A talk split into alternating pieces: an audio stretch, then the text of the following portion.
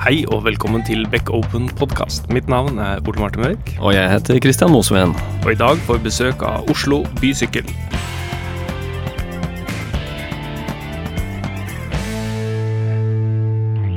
Ja, Kristian. Hvordan går det? Det går bra. Det har vært en eh, helt ålreit eh, pinse. Jeg har spilt masse frisbeegolf. Det er så ja. gøy. Så vi er oppe på Ekeberg. Ekeberg, Holmenkollen, uh, Muselunden, som det heter. Så du har vært på ja, turné? Hva slags uh, tour. tour. Tour de Frisbee. Nei, men så Mm. gøy. Det har jeg aldri testa. Nei. Jeg har spilt mye golf eh, før jeg fikk barn. Mm. Men uh, Det er litt enklere med frisbeegolf, da. Litt kortere avstander kanskje, og litt enklere å bare slenge med seg noe greier og spille en runde. Hvor lang tid bruker man på en runde? Nei, jeg bruker en halvannen time. Ja, nettopp. Ja. Eh, Golf tar jo fort liksom minimum fire timer pluss Mm. reise pluss Ja, ikke sant. Det er litt mye. Ja, nei, men så bra. Nei, jeg har vært, eh, hatt eh, pinsehelg med familien og gråtende barn i kø. Det er jo strålende. Klassiker. Ja, ja, ja. Ellers så driver vi på prosjektet nå og skal prøve å finne et frontend-rammeverk, biblioteksamling, og Mhm. bruke fem år nå, så er jeg dypt inne i Angular 2 og React og Redux, og så kommer View JS, og så Ikke noe elm. Jo, det er jo det òg, da. Mm. Så jeg sitter med denne Beck teknologiradaren og klør meg i hodet og skjønner ikke hvordan man skal få lært seg alt dette her. Men Nei. Nei, vi får se. Ja. Men kanskje vi bare skal ta inn disse bysykkelgutta? Det gjør vi.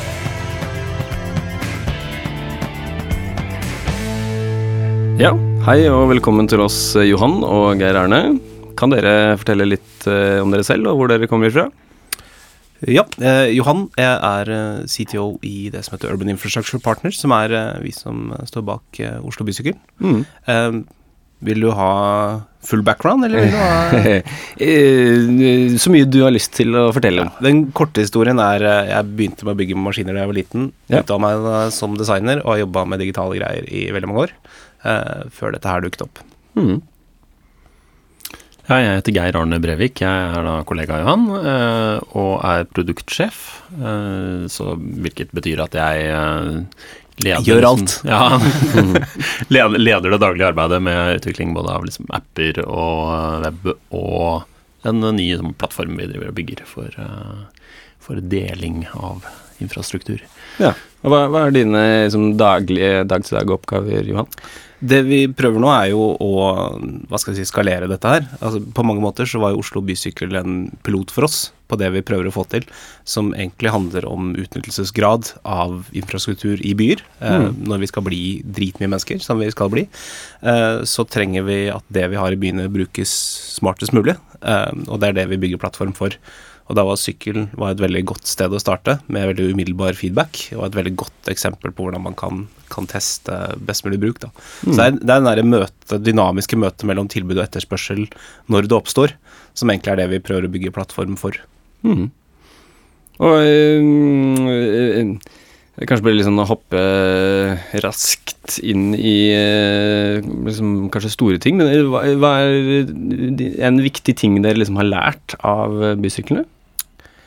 Det vi, det vi Altså, ikke Det er vanskelig å sette fingeren på én ting, for det, det, morsomste med å jobbe med dette her, er jo den derre konstante feedback-loopen. At vi lærer kontinuerlig. Mm. Uh, og det er noe av det som vi har prøvd å ta med oss fra softwareutvikling ut i det å jobbe med byutvikling som vi egentlig driver med nå, er jo hvordan vi holder den feedback-loopen.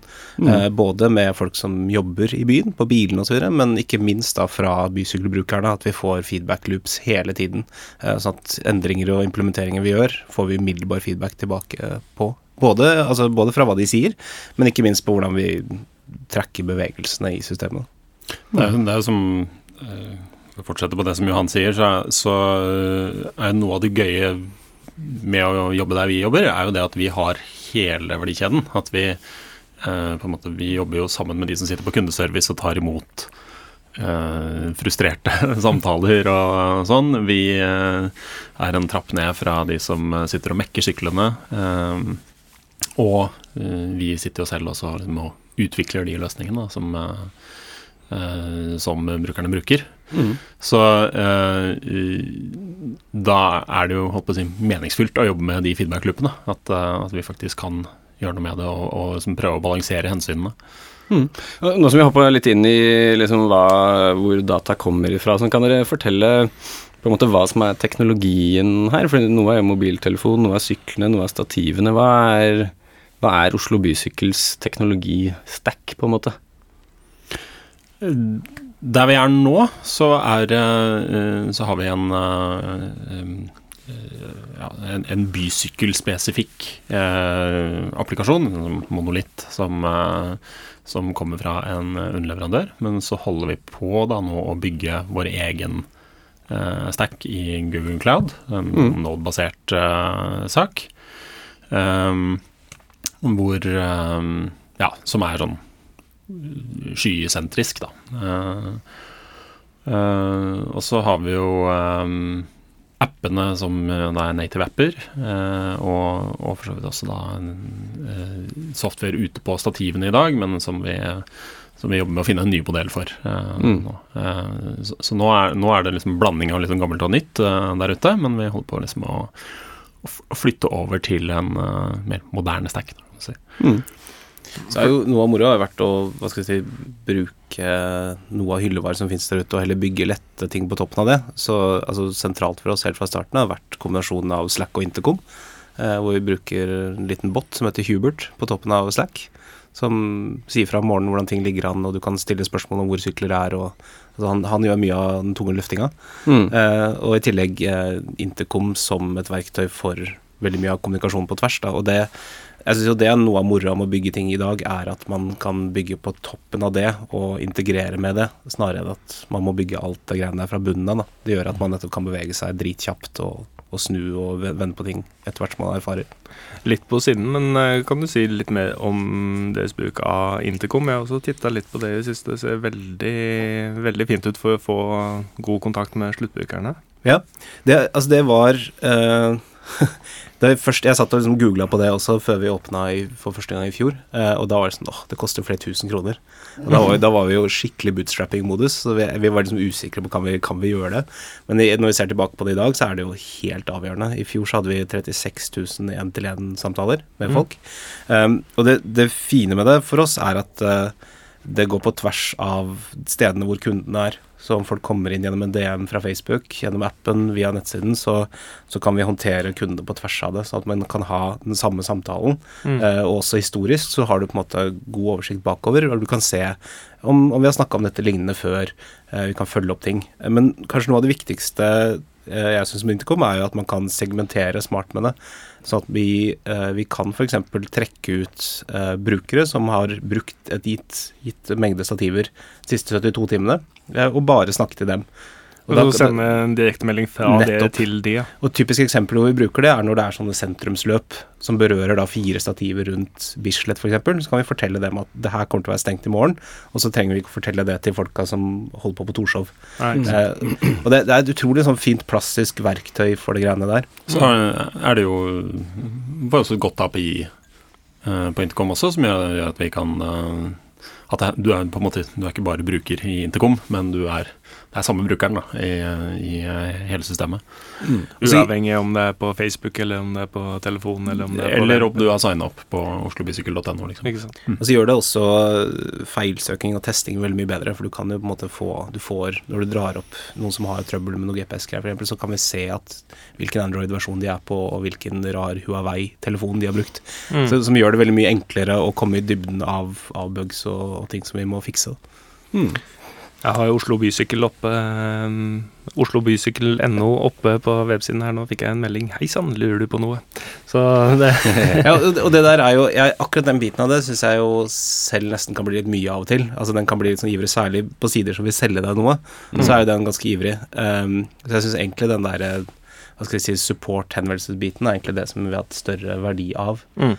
Uh, samtidig som det er, det er en veldig fin modell for å bygge hva skal vi si, selvhjelpsmodeller, da. Altså hvor folk kan finne hjelp selv. Mm. Eh, forrige gang eh, jeg hørte noe fra dere, så øh, var dere også litt interessert i å bruke stativene til noe annet på vinterstid. Altså utstyre de med noen sensorer eller noe sånt. Har dere kommet noe stykke vei på det? Ja. Det, står, det er to sensorer som har stått ute i vinter. En i Kirkeveien og en husker hvor den andre står. I hvert fall, Men vi fikk, vi fikk, akkurat inn data fra de nå. Med, altså fordi testen har jo først og fremst gått på kan man med, med, den type små sensorer plassert der de er, matche disse Rolls-Royce svære 30 millioners småhussensorene. Mm. Uh, og, og det, det, som var kult nå, var at Nilo kom tilbake og sa at det kan de. Mm. Uh, så det er jo noe som er verdt å rulle ut videre nå. Uh, og den, jeg tror det er bare ett eksempel da, på hva som man kan fortsette å rulle ut. Altså man, en, en, annen diskusjon som går knyttet til den type byinfrastruktur, er jo det man kaller sånn small cell. Altså at man har uh, telefonantenner også nede på bakkenivå. Og med 5G-utrullingen så kommer man til å være avhengig av å flytte det Vi har jo gått fra fjelltopper ned til bygningstak, og nå må vi helt ned på gatenivå mm. hvis 5G-nettet skal fungere godt når vi skal på en måte ha low latency på alt mulig selvkjørende der. Mm. Da blir nettopp en del av denne infrastrukturen som vi har der ute, ganske viktig for, som, si, for å avhjelpe den type tjenester som skal ut i byen også. Ja. Hva, hva, er det den sensoren, eller de, den sensoren i Kirkegata har målt? Den har målt NOx eh, ja, og svevestøv. Altså den, den, det, det, den, det, er jo den, de diskusjonene vi har på luftkvalitet i byen, som ja. den prøver da å måle. Det som er litt sånn uh, trøblete med sånne sensorer, er at de må, de må suge inn luft. sånn og, og sjekke den uh, for at det skal gi gode resultater. Men litt av tanken der er jo at i stedet for å ha to dritnøyaktige sensorer, så er summen av mange uh, kan gi faktisk mer interessante data enn en de to. Mm. Og det ser ut som, som kan fly. Det er spennende. Mm. Men det er, det er, jo litt sånn ideen om å ikke bare jobbe i det digitale, men også i det fysiske med at vi ikke repliserer mange funksjoner der ute, men at når vi først har noe som er på strøm og på nett, og som har en maintenance cycle der ute, at vi kan da bygge flere tjenester på toppen av det. Mm. Mm. Hva er det dere tenker at er liksom den største fordelen med å flytte opp i skyen eh, til Google Cloud? Det, den største fordelen er jo farten det gir oss. Altså alt, alt vi slipper å bygge selv. Mm. Uh, det vi bygger, bygger, for nå, er jo også å kunne skalere til flere byer og flere typer tjenester uh, samtidig, hvor vi er liksom avhengig av uh, høy automatisering og Altså, vi er, vi er, avhengig av god skalering, men det er på en måte ikke Det er jo ikke nødvendigvis enormt mange transaksjoner når vi snakker om et liksom, system med noen la oss si, noen få tusen sykler, men, men Eh, vi er jo allikevel avhengig av å håndtere eh, rushtider og eh, kanskje rushtider i flere byer samtidig osv. Og, så og ha veldig høy oppetid.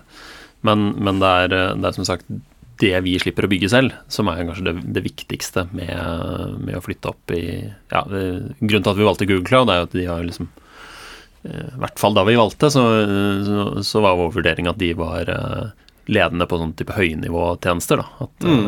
uh, sånn som eh, PubSub og um, ja, mye av dataflythåndteringen i det hele tatt uh, veldig attraktiv for oss. Mm. Det har jo vært veldig kult siden altså vi, det, vi gjorde jo vurderingen Vi hosta jo tidligere på Amazon, og da, det, da brukte vi det mer som en tradisjonell host. Eh, men så visste vi at det var, på en måte, var skytjenestene vi var mer interessert i. Og det var der vi evaluerte at til slutt at Google Cloud antageligvis hadde den rette retning, i hvert fall. Men siden vi gjorde det valget, så har det vært veldig gøy med alt Google har rullet ut. Eh, at vi ser jo at de i veldig stor grad bygger opp denne tjenesten for sånne som oss. Altså Nå skal jeg ikke si at, at det er ikke nødvendigvis sånn som oss, kanskje mer uh, medieaktører, men, men, i hvert fall altså, bare det at de ruller ut sånne sånn som det IOT Cloud, IOT Core-greiene som kom nå sist. Altså at de er de har veldig dedikerte tjenester for det. Mm. Uh, og det kommer med en ganske høy hastighet fra dem nå. Mm. Mm. Så, og så ser vi at Noe av det som er mest interessant for oss fremover, er jo uh, holdt på å si, Gå rett inn i uh, buzzwordene som de liker å omgi seg med nå, med, med, med maskinlæring. at Altså vi, vi, begynner å bli mer og mer avhengig av sånn type prediksjonsmodeller for, for både etterspørsel og tilgjengelighet. Uh, og særlig når vi skal uh, begynne å bevege oss inn i nye byer og fort liksom kunne komme opp på et modenhetsnivå hvor vi kan skjønne hva som skjer i en by. Uh, der, er, der er den type verktøy som, eh, som Google kommer med, er veldig nyttig, da. Ja, for det var det jeg satt og tenkte på når jeg kom inn på Google Cloud, at uh, maskinlæring må jo være veldig fint for dere i forhold til å plassere syklene på riktig sted på riktig tidspunkt. Ja, altså uh, vi, har, vi har, sagt noen ganger internt at det å vi, vi, trenger ikke maskinlæring for å finne ut at folk skal ned til sentrum om morgenen. Eh, det, det, liksom, det, skjønner vi, at det bor flere på Sankthanshaugen enn det bor i sentrum osv. Men eh, vi vet ikke nødvendigvis det hvis vi flytter oss til en ny by. Eh, altså hvor, hvor, folk jobber og, og bor. Eh, så det å eh, fort kunne finne ut både hvor vi skal flytte sykler, men også hvor vi skal plassere stativer. Eh, eller hvis vi beveger oss over til, til, eh, til en bildelingstjeneste, da, hvor, hvor, bør bilene stå. Mm. Uh, men, men, det er jo et annet eksempel også, er jo uh, nettopp fordi vi prøver å holde oss til KPI flest mulig turer.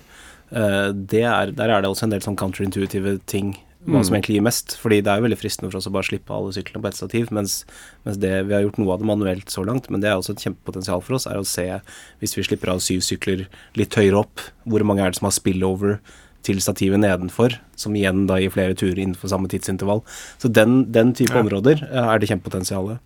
Men vi kan jo tease bitte lite grann om hvor vi er på vei også, med hvor dette blir enda viktigere. For det er Uh, I nye byer så ser vi på også sykler som kan operere i større grad utenfor uh, stativer, slik de gjør i dag.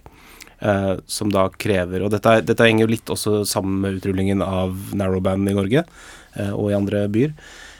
Hvor, hvor, vi kan ha sykler som i praksis går på batteri og kan, kan låses utenfor stativer. Og i det øyeblikk man beveger seg dit, så blir nettopp maskinlæringsbiten enda viktigere, fordi da er vi inne på power management-biten av det også.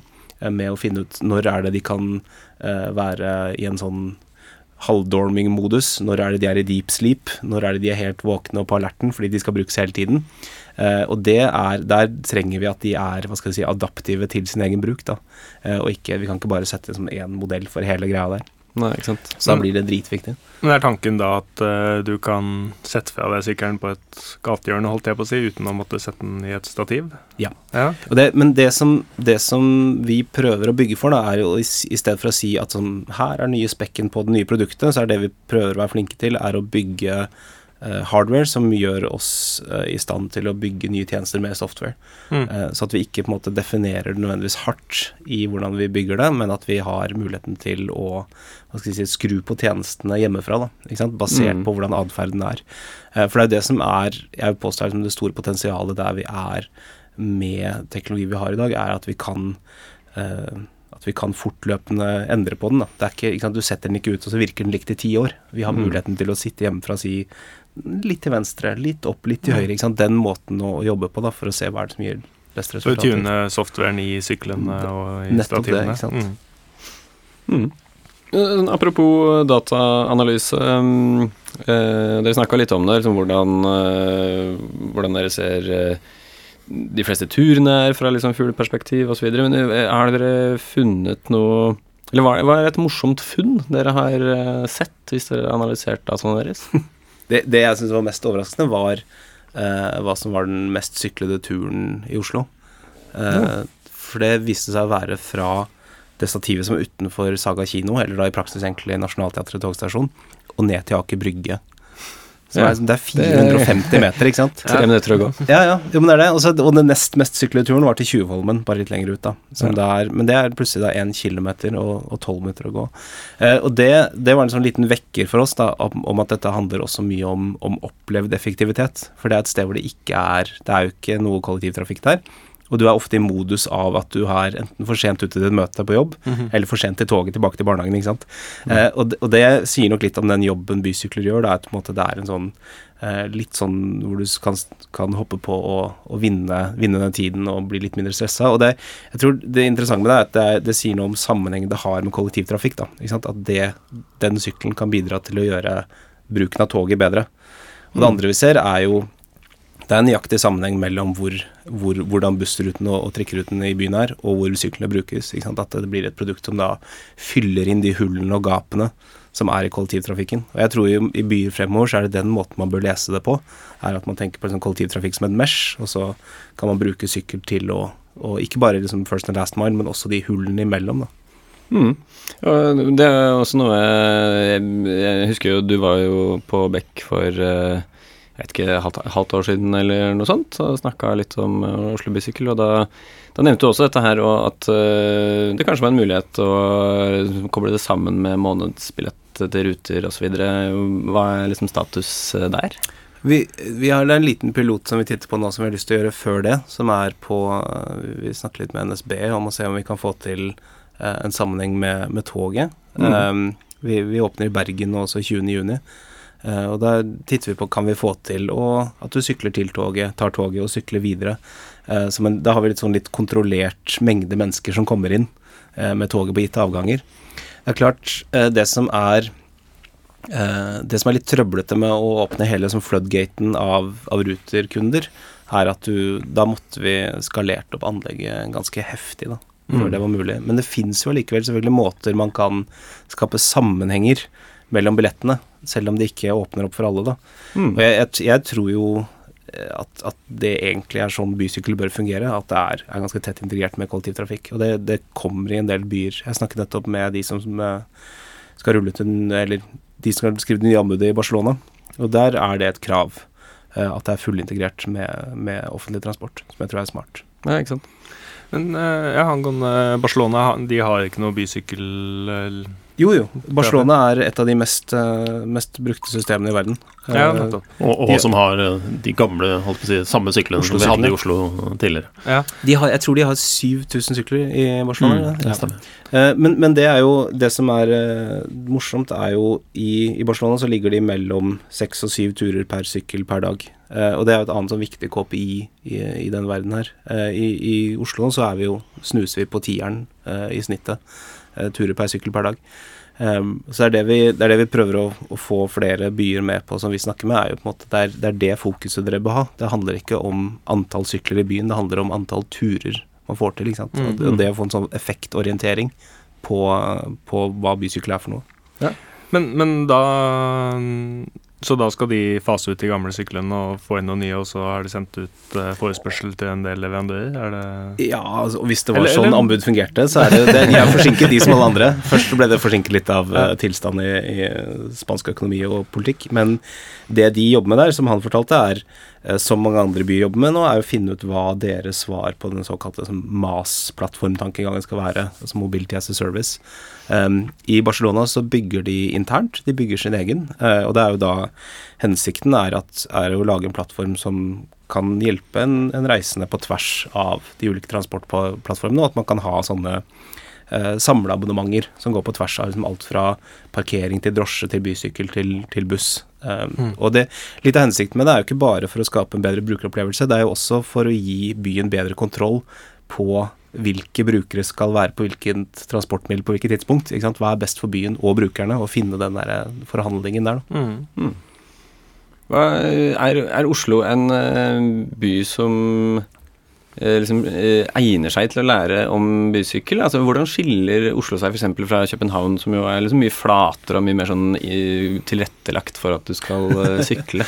ja, vi, vi, vi, har jo egentlig liksom besluttet at vi skal bli i Oslo og bruke Oslo som en lab. Altså, Vi er ikke en av de som drømmer om å flytte til Palo Alto og liksom starte et kontor i kjelleren hos Innovasjon Norge.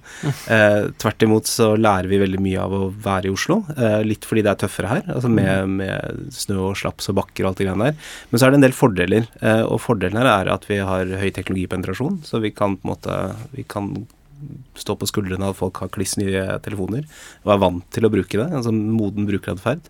Uh, vi har høy tillit til, til, den type tjenester og til offentlig transport og til samfunn. Altså vi, er, uh, vi, har relativt lav kriminalitet. Det er ingen som sager ned alle bysykkelstativene og selger det for, til skrapjern over natta. Som, jo, som mm. er tilfellet da, i, liksom, hvis vi skulle satt opp et eller annet sted i Latin-Amerika. Så det, det, er, uh, det er veldig gunstig å drive den type liksom, testing her. da Eh, så vi har jo absolutt lyst til å bare fortsette å, å, bruke Oslo som lab, og så heller rulle ut internasjonalt fra Oslo som, som base. Hmm. Um, jeg har eh, sett at dere på Facebook eh, litt sånn i det siste har posta sånne små konkurranser, hvor hvis du sykler eh, denne strekningen her, så kan du vinne en eh, Oslo Bysykkelkopp. Eh, har dere liksom brukt eh, gamification eller liksom noe tilsvarende eh, liksom også til å på en måte ombære sykler, eller, eller hjelpe dere, på en måte? Vi, vi, vi har sett litt på, på hvordan vi kan, eh, kan bruke det. Vi har, vi har ikke liksom helt kommet dit at vi, har utnytta det. Der, igjen så er det jo å si, vi, kom, kommer jo fort tilbake til det at, at flere, flere jobber i sentrum enn, i, eh, enn på Sagene. Ja. Eh, eh, sånn at eh, syklene vil liksom selv, selv om vi har en, en gamification-modell som liksom kan dra noen få sykler opp, så vil det fortsatt være en, en gravitasjon der. Så det på venter en rosinboll i andre enden på Torshov, så sånn, sykler du ikke den veien bare fordi Nei, du, nei, så du begynner ikke to timer seinere på jobb bare fordi ja, du får en kaffe på Narvesen, liksom. Så Og rosinbolle? Ja. Nei. Så vi eh, Det problemet vi må løse, er på en måte den, eh, den rushtidsproblematikken, eh, punkt én. Eh, og så kan jo på en måte en type eh, gamification være interessant. Vi, vi liksom lukter litt det er ikke gamification akkurat, men vi, vi viser jo tyrustrykken din. eh, Og vi vet jo at eh, mange syns at det er veldig gøy å se liksom på Nå har jeg sykla liksom 500 turer og så og så mange stativer jeg har vært innom osv. Liksom, folk som har henvendt seg til oss jeg, jeg prøver å liksom nå alle stativene i hele byen. kan dere sende meg en oversikt over liksom, hvilke jeg ikke har vært innom? Eh, Ja, og så er jo også apper som Strava og lignende også veldig populære. Uh, Og det kan jo liksom Har du sykla fra det stativ til det stativ Mm. på så kort tid, så har du kanskje forbrent så mange kalorier.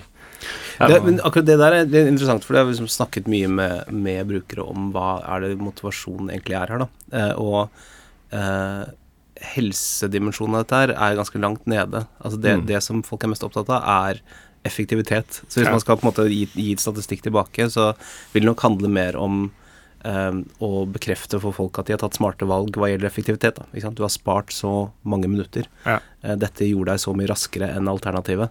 Uh, mer enn antall kalorier. Ja, ikke sant. Hva er, hva er det største problemet dere liksom ønsker å løse akkurat nå? Altså sånn ikke for liksom eh, Ikke, på, ikke det store, men liksom et sånn eh, Ja. operasjonelt Nei, det, det, problem. det nå. minste er jo Eller altså på, ikke minste. Det store, men på et lokalt plan, er jo dette med rebalansering, som Mm. er, um, er et ordentlig sånn hard problem.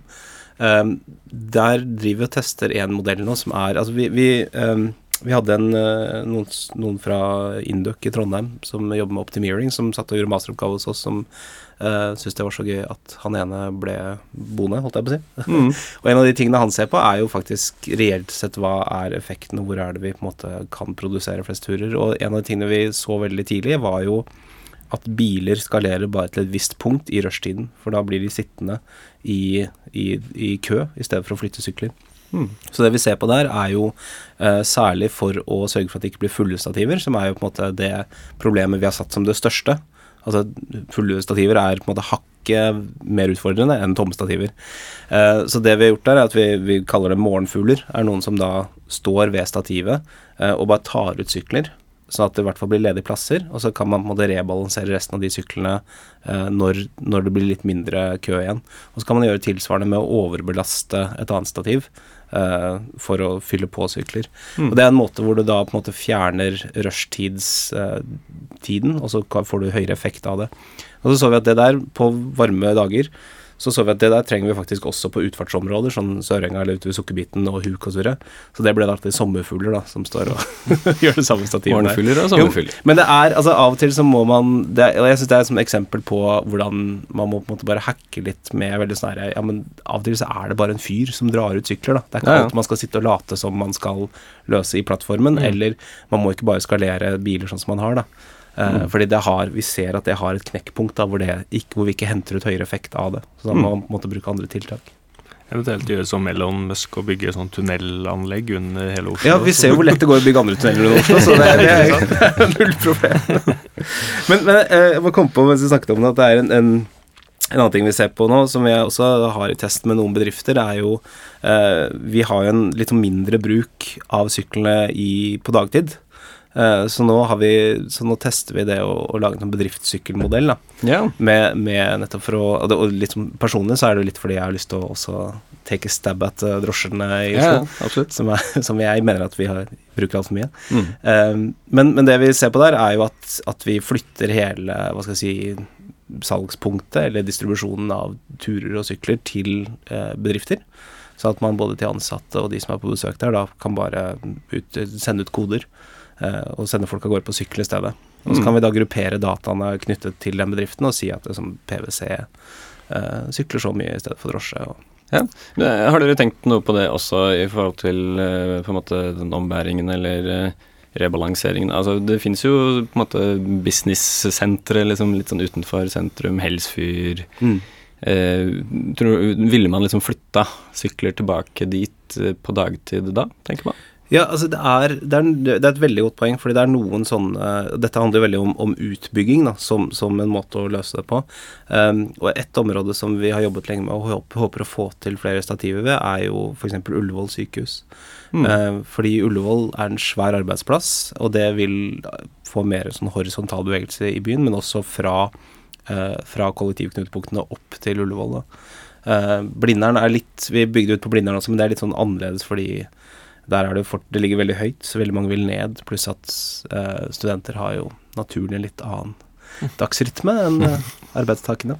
Vi, vi ser jo også som Ettersom vi bygger ut flere og flere uh, stativer, så, eh, så vil jo Vi vil jo kunne også se på, på en måte stativene som på en litt annen måte. Da, at, at, eh, at det er viktigere at, eh, at det er tilgjengelighet og eh, ledige låser i et område, og ikke nødvendigvis på hvert enkelt stativ. At vi liksom kan, eh, kan si at nå har vi liksom nå, nå er det god tilgjengelighet i, på Sankthanshaugen. Uh, selv om det liksom skulle være ett eller to fulle stativer der, da. Eh, og sånn sett også jobbe litt sånn mer uh, Ja, litt mer plastisk med å se på dataene enn enn å bare liksom se at nå har vi 23 fulle stativer, som kanskje ikke nødvendigvis sier så veldig mye, da. Um, dere nevnte jo i stad litt eh, eller Vi snakka litt om eh, på en måte at du har sykla 500 turer, du har sykla så så langt osv. Uh, I Beck så arrangeres det noe som heter Utfordringen. eh, hvor eh, den neste utfordringen, som er 20. juni, skal være et bysykkelrace. Hvor de har tenkt at liksom, alle skal skaffe seg en bysykkel, og så skal man eh, Skal jeg bare tekste de som sånn heads up? Som Altså jeg er litt usikker på hva som, er, eh, hva som er, skal være målet her. Om du skal være liksom innom flest mulig stativer eller områder eller eh, noe sånt. Eh, Men, og jeg, jeg har forstått at Peter som arrangerer det, snakka litt med deg om liksom kanskje muligheter for å liksom se på data etterpå og sånn. Altså, bare sånn off the bat, en, en, noe som har vært innmari gøy å sette på, er jo eh, nettopp effektivitetsbiten. Altså vi, vi, vi har ikke gått ut hardt og sagt det, men vi påstår at vi er det mest effektive transportmiddelet i Oslo. Eh, og det som hadde vært fett, var jo konkurrert med, med Jeg tror den eneste som faktisk er vanskelig å slå, er eh, T-banen Majorstuen Nationaltheatret. Ja. Det tror jeg, det, den er ganske hasardiøs. Eh, mulig, men eh, men på de fleste andre ruter så ser vi at vi klarer å slå, slå både drosje og, og kollektivtrafikk. Da. ja, ja, ja, det, det, det hadde vært en ganske fet eh, liksom, å gjort benchmarka og ta som utfordring. mm. Ja. Men, men, men det er jo definitivt, eh, det er definitivt mulig å, å trekke ut Altså litt avhengig av hva utfordringen skal være, da. Mm. Så er det jo definitivt eh, lett å trekke ut dataen etterpå og, og modellere den videre. Ja, ja, fordi da dere ser på en måte en bruker-ID som har en sykkel, og så ser dere liksom at den har vært i nærheten av disse stativene, eller fulgt GPS-en på mobilen, eller Ja, per i dag så gjør vi jo ikke det. Og det har vært Altså, vi, vi har jo med vilje ikke liksom Det fins jo en del uh, steder i verden, Paris annet, hvor du på en måte signerer en sånn derre 218 siders uh, terms of use, og så trekker de på en måte sjelen din herfra til helvete. Mm. Og vi har prøvd å på en måte være å ikke rulle ut mer enn det som er høyst nødvendig. Det, vi prøver å spørre om minst mulig, og det er jo litt fordi vi vet jo at alt vi bygger skal liksom treffe på GDPR-standarder også. Um, Men, Men- vi, vi, må, vi må vite hvem som har hatt sykkelen, og hvor den er. Det er fordi det det. er et slags sånn sykkelutleieaspekt her. Absolutt. Mm. Det, det er derfor også med nye, nye sykler og nye systemer vi også ser på i større grad også GPS på syklene, så at vi kan trekke på en måte det som asset uavhengig av bruk også, da. Mm. Uh, men, men det er jo helt klart vi har vi har jo eh, Vi vet jo start- og sluttpunkter osv., og, så og så bruker vi jo geofence rundt stativene for å vite på en måte om du er i nærheten der i utlåsningssituasjonen også. Eh, men det er klart, bare, bare ved tidspunktene eh, og, og, og lokasjonene så kan man få ganske gode data for hva man prøver å se bare der, da. Ikke sant? Med det som, det som vi har sett på som, som ganske interessant område å, å utforske videre nå, er jo også det forholdet mellom hvor folk egentlig skal, og hvor de sykler, er noe som jeg gjerne har lyst til å på en måte bli bedre på. Det med å vite altså Man kaller det det, liksom det nerdete ord for det, influenseområdet. Altså hvor langt unna et stativ kan du bo og fortsatt tenke at det er relevant for deg. da. Eh, og det er også sånne ting som går på eh, at det stativet som er 100 meter bakover, er mindre relevant enn det som er 200 meter i riktig retning. Så det, det er på en måte, det er ikke, du kan ikke tegne sirkler, da. ikke sant? Eh, og tilsvarende så er det jo andre enden hvor du egentlig skal, da. Eh, og det, det er på en måte for oss så er det veldig interessant å prøve, begynne å forstå nettopp det er eh, ikke bare stativene og syklene, men på en måte det er reiseprofilene hele veien. Da. Mm. Sitter og tenker på noe, Geir Arne. Eh, Sånn, eh, det har jo, som du sa, bysykkel.no og appen og sånn, har det åpna API-er som Ser for meg at jeg kan ha en sånn boks som eh, viser antall ledige sykler i nærområdet. Det er folk som har bygd det. Ja, ja, for vi har, vi har API for hvor stativene våre er, og hvor fulle de er. Nettopp. Så i tillegg til at vi offentliggjør turdata, eh, altså turer som er gjennomført eh, hver, hver måned. Så det Ja, ligger på developer.oslobysykkel.no. Ja, kult. Så der er det Der har vi eh, mange som har bygd mye morsomt. Blant annet noen som har liksom bygd typ Alexa-integrasjon, som spør hvilket stativ skal jeg gå til i dag, og liksom får, Mhm. ja, får tilbake bare navnet på det stativet man skal, man skal gå til, fordi det er ledige sykler der. Ja. Det er mye, mye gøy man kan gjøre der. Ja, ja, ja. Ja, og, og, og hvis dere liksom kikker litt inn i, i eh, krystallkula, da. Hva, hva, hvor er dere om eh, tre til fem år? Altså, mye, mye av grunnen til at vi går inn i dette her, er jo at vi tror jo at uh, utviklingen om at man vil dele ting, bare vil fortsette. Altså det er på en måte det er veldig Man får mindre plass i byene. Og, og det er ikke Alle trenger ikke å eie alt selv. Så der er det ganske stort potensial da, på veldig sånn høyt nivå. Og, og så er det disse tingene med at øh, Mobiltelefonene blir jo stadig bedre, øh, og alle har de. Uh, og så kommer Narrowband IoT, som gjør det ekstremt billig å putte sensorer i alle mulige slags ting, som kan liksom muliggjøre en eh, plattform som, eh, som kan styre delingen av disse tingene. Så eh, nøyaktig hvordan det vil se ut om 35 år, det er jo eh, eh, det, det handler jo også om liksom, hvordan man produktifiserer disse tingene, men eh, Men du, du touchet Ja. jo implisitt inn på altså Når man har snakket om hele liksom, delingsøkonomi-tankegangen, så er jo det smartere deling av privateide gjenstander. Eh, det vi gjør en bet på, er jo at det er høyere effektivitet i en sentralt eid flåte. At du vil, at i samfunnsøkonomisk så vil du på en måte hente ut høyere verdi av det. da. Så det er jo det vi ser på, at hvor vi på en måte har en pool av sykler og biler osv. Men ehm, men det, det andre som Vi har prøvd å liksom reflektere litt rundt hvor i, hvor liksom stacken vi egentlig bor hen. da, fordi hvis du ser på fremtiden for veldig mange av disse tingene som skal bevege seg rundt i byene, så har du du har på en måte en, en front som er på en måte appene og merkevarene og de tingene som møter kundene, og så har du helt til bunn så har du jo på en måte mye hardware-integrasjoner, og liksom på selvkjørende så har du liksom LiDAR og kameraer og alle disse tingene som på en måte løser det hardware-messig. Men i midten der er jo det området vi egentlig ønsker å være best, da, som handler om brokeringen med når du har kundebehov inn der ute, og du har hardware som skal respondere på det der nede, så er det det hvordan matcher man de to best? Hvordan får vi høyest mulig verdi ut av det? Og selv om vi gjør kundefront og kommer til å gjøre det i flere prosjekter, eh, og gjør noe hardware også, så er det i kjernen der som vi egentlig syns er mest morsomt å jobbe med den der forhandlingen. Da. Hvordan får vi mest, mest ut av dette, den etterspørselen som er der, og det tilbudet som er der. Hmm. Hvordan er det dere vil liksom fange opp eh, på en måte ny, eh, ny etterspørsel? Ja, det, det, er et veldig godt poeng. og det er liksom, For å ta det litt tilbake til lokalt i Oslo, så er det Vi har snakket om det med Per i dag så forstår jo vi eh, etterspørselen gjennom stativene som en linse, mens det vi egentlig er ute etter, er jo intent. Liksom, mm. med når når var det noen så etter en sykkel, eller begynte å tenke på det eller vurdere det uten at de var der. Og det er jo, Vi har diskutert liksom, finnes det noen måter vi kunne på en måte fanget opp det. da, Kan vi liksom bruke det, kan vi bruke sessions i appen, kartvisninger, altså bruke sånne ting for å, å modellere en etterspørsel før den blir et, en transaksjon. da. Ja, det er et uh, interessant problem.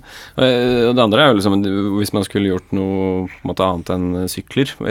Når skulle man liksom begynt å, å gjøre det? Når, når, når liksom Når ville dere visst at markedet var klare for å leie biler, eller leie liksom Ja, og der er det, det, er akkurat det vi egentlig har lyst til å gjøre. Er jo nettopp å vite at disse menneskene som bor her, beveger seg på denne måten, og de kan også avhjelpes da med med også fire delebiler i tillegg til disse 18 syklene. At man kan måtte bygge opp et transporttilbud rundt dataene. Men, men, til det du spurte om innledningsvis der, med hvordan fanger vi opp etterspørselen, er eh, det er jo I dag så styres det jo fortsatt måte, litt av tilbudet. Mens vår drøm er jo å få snudd det der på hodet. At mm. transporttilbudet responderer på brukerbehovet.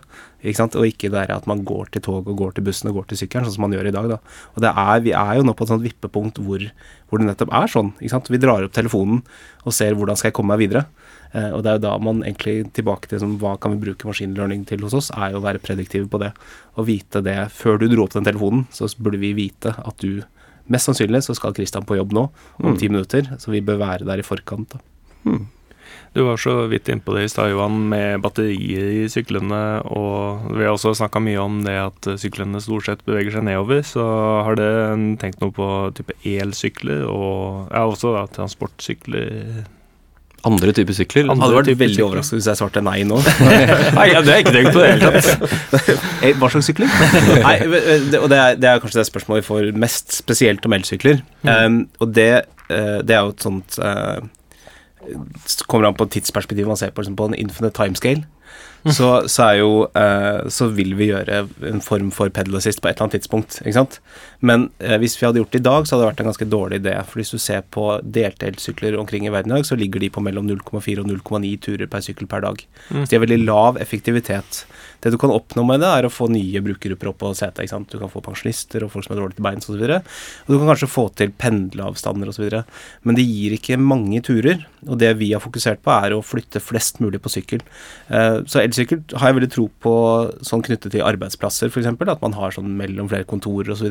Men i en bysykkelmodell så er det en dårlig idé akkurat nå. Det, er, det, tar uh, for mye strøm til det, og du må ha ladeinfrastruktur på plass for det. Mm. som da, da mister du fleksibiliteten vi er ute etter. Da. Fordi noe av dette handler om å kunne flytte stativer fra et kvartal til et annet og sånne ting i løpet av en uke. Mm. Eh, og du må grave så sinnssykt mye og etablere det med en elsykkel. Så per nå ganske dårlig idé, vil jeg påstå. Altså hvis, hvis, man ser på bruken i Oslo i dag, da, så står jo ikke syklene våre stille nok til å bli lada. Nei, ikke sant. Eh, så det vil jo på en måte ikke da ville du fått et mye dårligere tilbud. Og så er det noe med og hva slags turer det brukes på også. Ikke sant? Turene, de er ni, ni minutter og 4 sekunder er medianturen, 2,45 km. Det, er, det egner seg veldig godt til en vanlig sykkel, da, og ikke til en elsykkel. Mm. En elsykkel også når den er tom for strøm, er en veldig dårlig sykkel å sykle på. ikke sant? Tung mm. og kjip å sykle på. Eh, og du ser altså, se på som det de har hatt i København osv., de elsyklene der. Det, det, har ikke vært en kjempesuksess. Altså. Ikke, men, men, til det andre med lastesykler, det syns jeg er kjempespennende, fordi I det øyeblikk man uh, sier at uh, vi skal jobbe med låsfunksjon på sykkelen, og ikke nødvendigvis på en måte stativet som lås, så kan man begynne å, tenke, begynne å modellere flere typer sykler. Da. Og da kan man bruke nettopp, man kan bruke geofencing og si at denne type sykler skal bare operere innenfor dette området. Eh, man kan knytte egne abonnementer til det. Eh, man kan gjøre det opp mot, mot drifter eller på en måte Torshov-familier, Mm. eller de som bruker lastesykler. og så kan man på en måte begynne å introdusere både barnesykler, lastesykler, specialist-sykler inn i samme modell, og så styre det etter geografi og abonnement. Mm. Så det er kjempeinteressant. Mm. Det er jo litt sånn eh, Oslo Bilkollektiv eh, har jo det, De har masse vanlige biler, men de har også en del spesialbiler, hvis man Men akkurat det. akkurat det. Og det, det er jo det Vi prøver som sagt å bygge plattform for å kunne skalere til egentlig liksom, i prinsipp litt hva som helst. Så vi har jo vi har brukt litt tid sammen med eh, Fornebu Vel og Strand Kajakklubb på holde fast på å se på bykajakk. Eh, og det, liksom, det høres litt sånn tullete ut, men det interessante med det er jo nettopp at du har sånne steder som Fornebu, hvor du nå skal neste årene flytte 30 000 mennesker, og alle sammen skal tenke den samme tanken om at da skal jeg i hvert fall ha kajakk. Så da har du sånn 30 000 kajakker. Det skalerer ikke. Og da, for oss er det på en måte ja, det er naturlig å tenke bil oppover, men hva skjer hvis man kan skalere plattformen nedover, da, og si kan vi få til noe sånn som å dele kajakker, da, Mm. eh, etter samme prinsipp. Pendle med kajakk inn til sentrum. Ja, ombæring av kajakk og Så Det er veldig bra. Eh, Jeg tror eh, vi egentlig kan runde av der, ja. Og så får vi eh, ta, hente ut en eh, bysykkel og komme oss på våre ordentlige arbeidsplasser. yes. Takk for nå.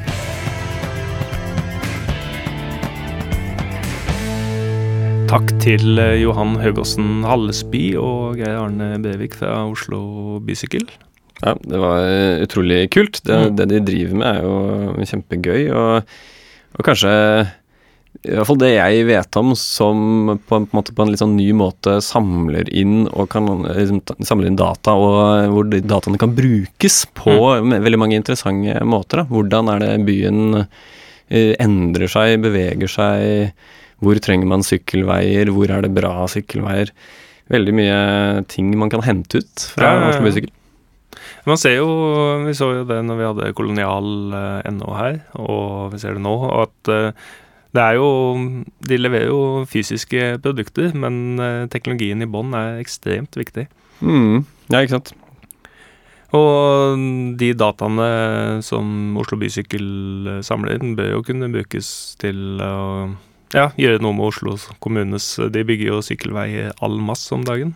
Ja, og de dataene er jo eh, ekte, de som Oslo Bysykkel er. Og sikkert eh, enda bedre å bruke enn det man eh, planlegger med i dag. Helt klart. Vi er tilbake i august. eh, Mm, med sommerferie. Sommerferie. Eh, da har vi noen veldig spennende planer. Mm. Eh, så vi får se om vi klarer å få det i havn. Ja. Så, det. Skal vi si takk for oss, da? Vi sier takk for oss. Ta kontakt på Twitter, Instagram, Goalla osv. Vi, eh, vi høres. Det gjør vi. Ha det bra.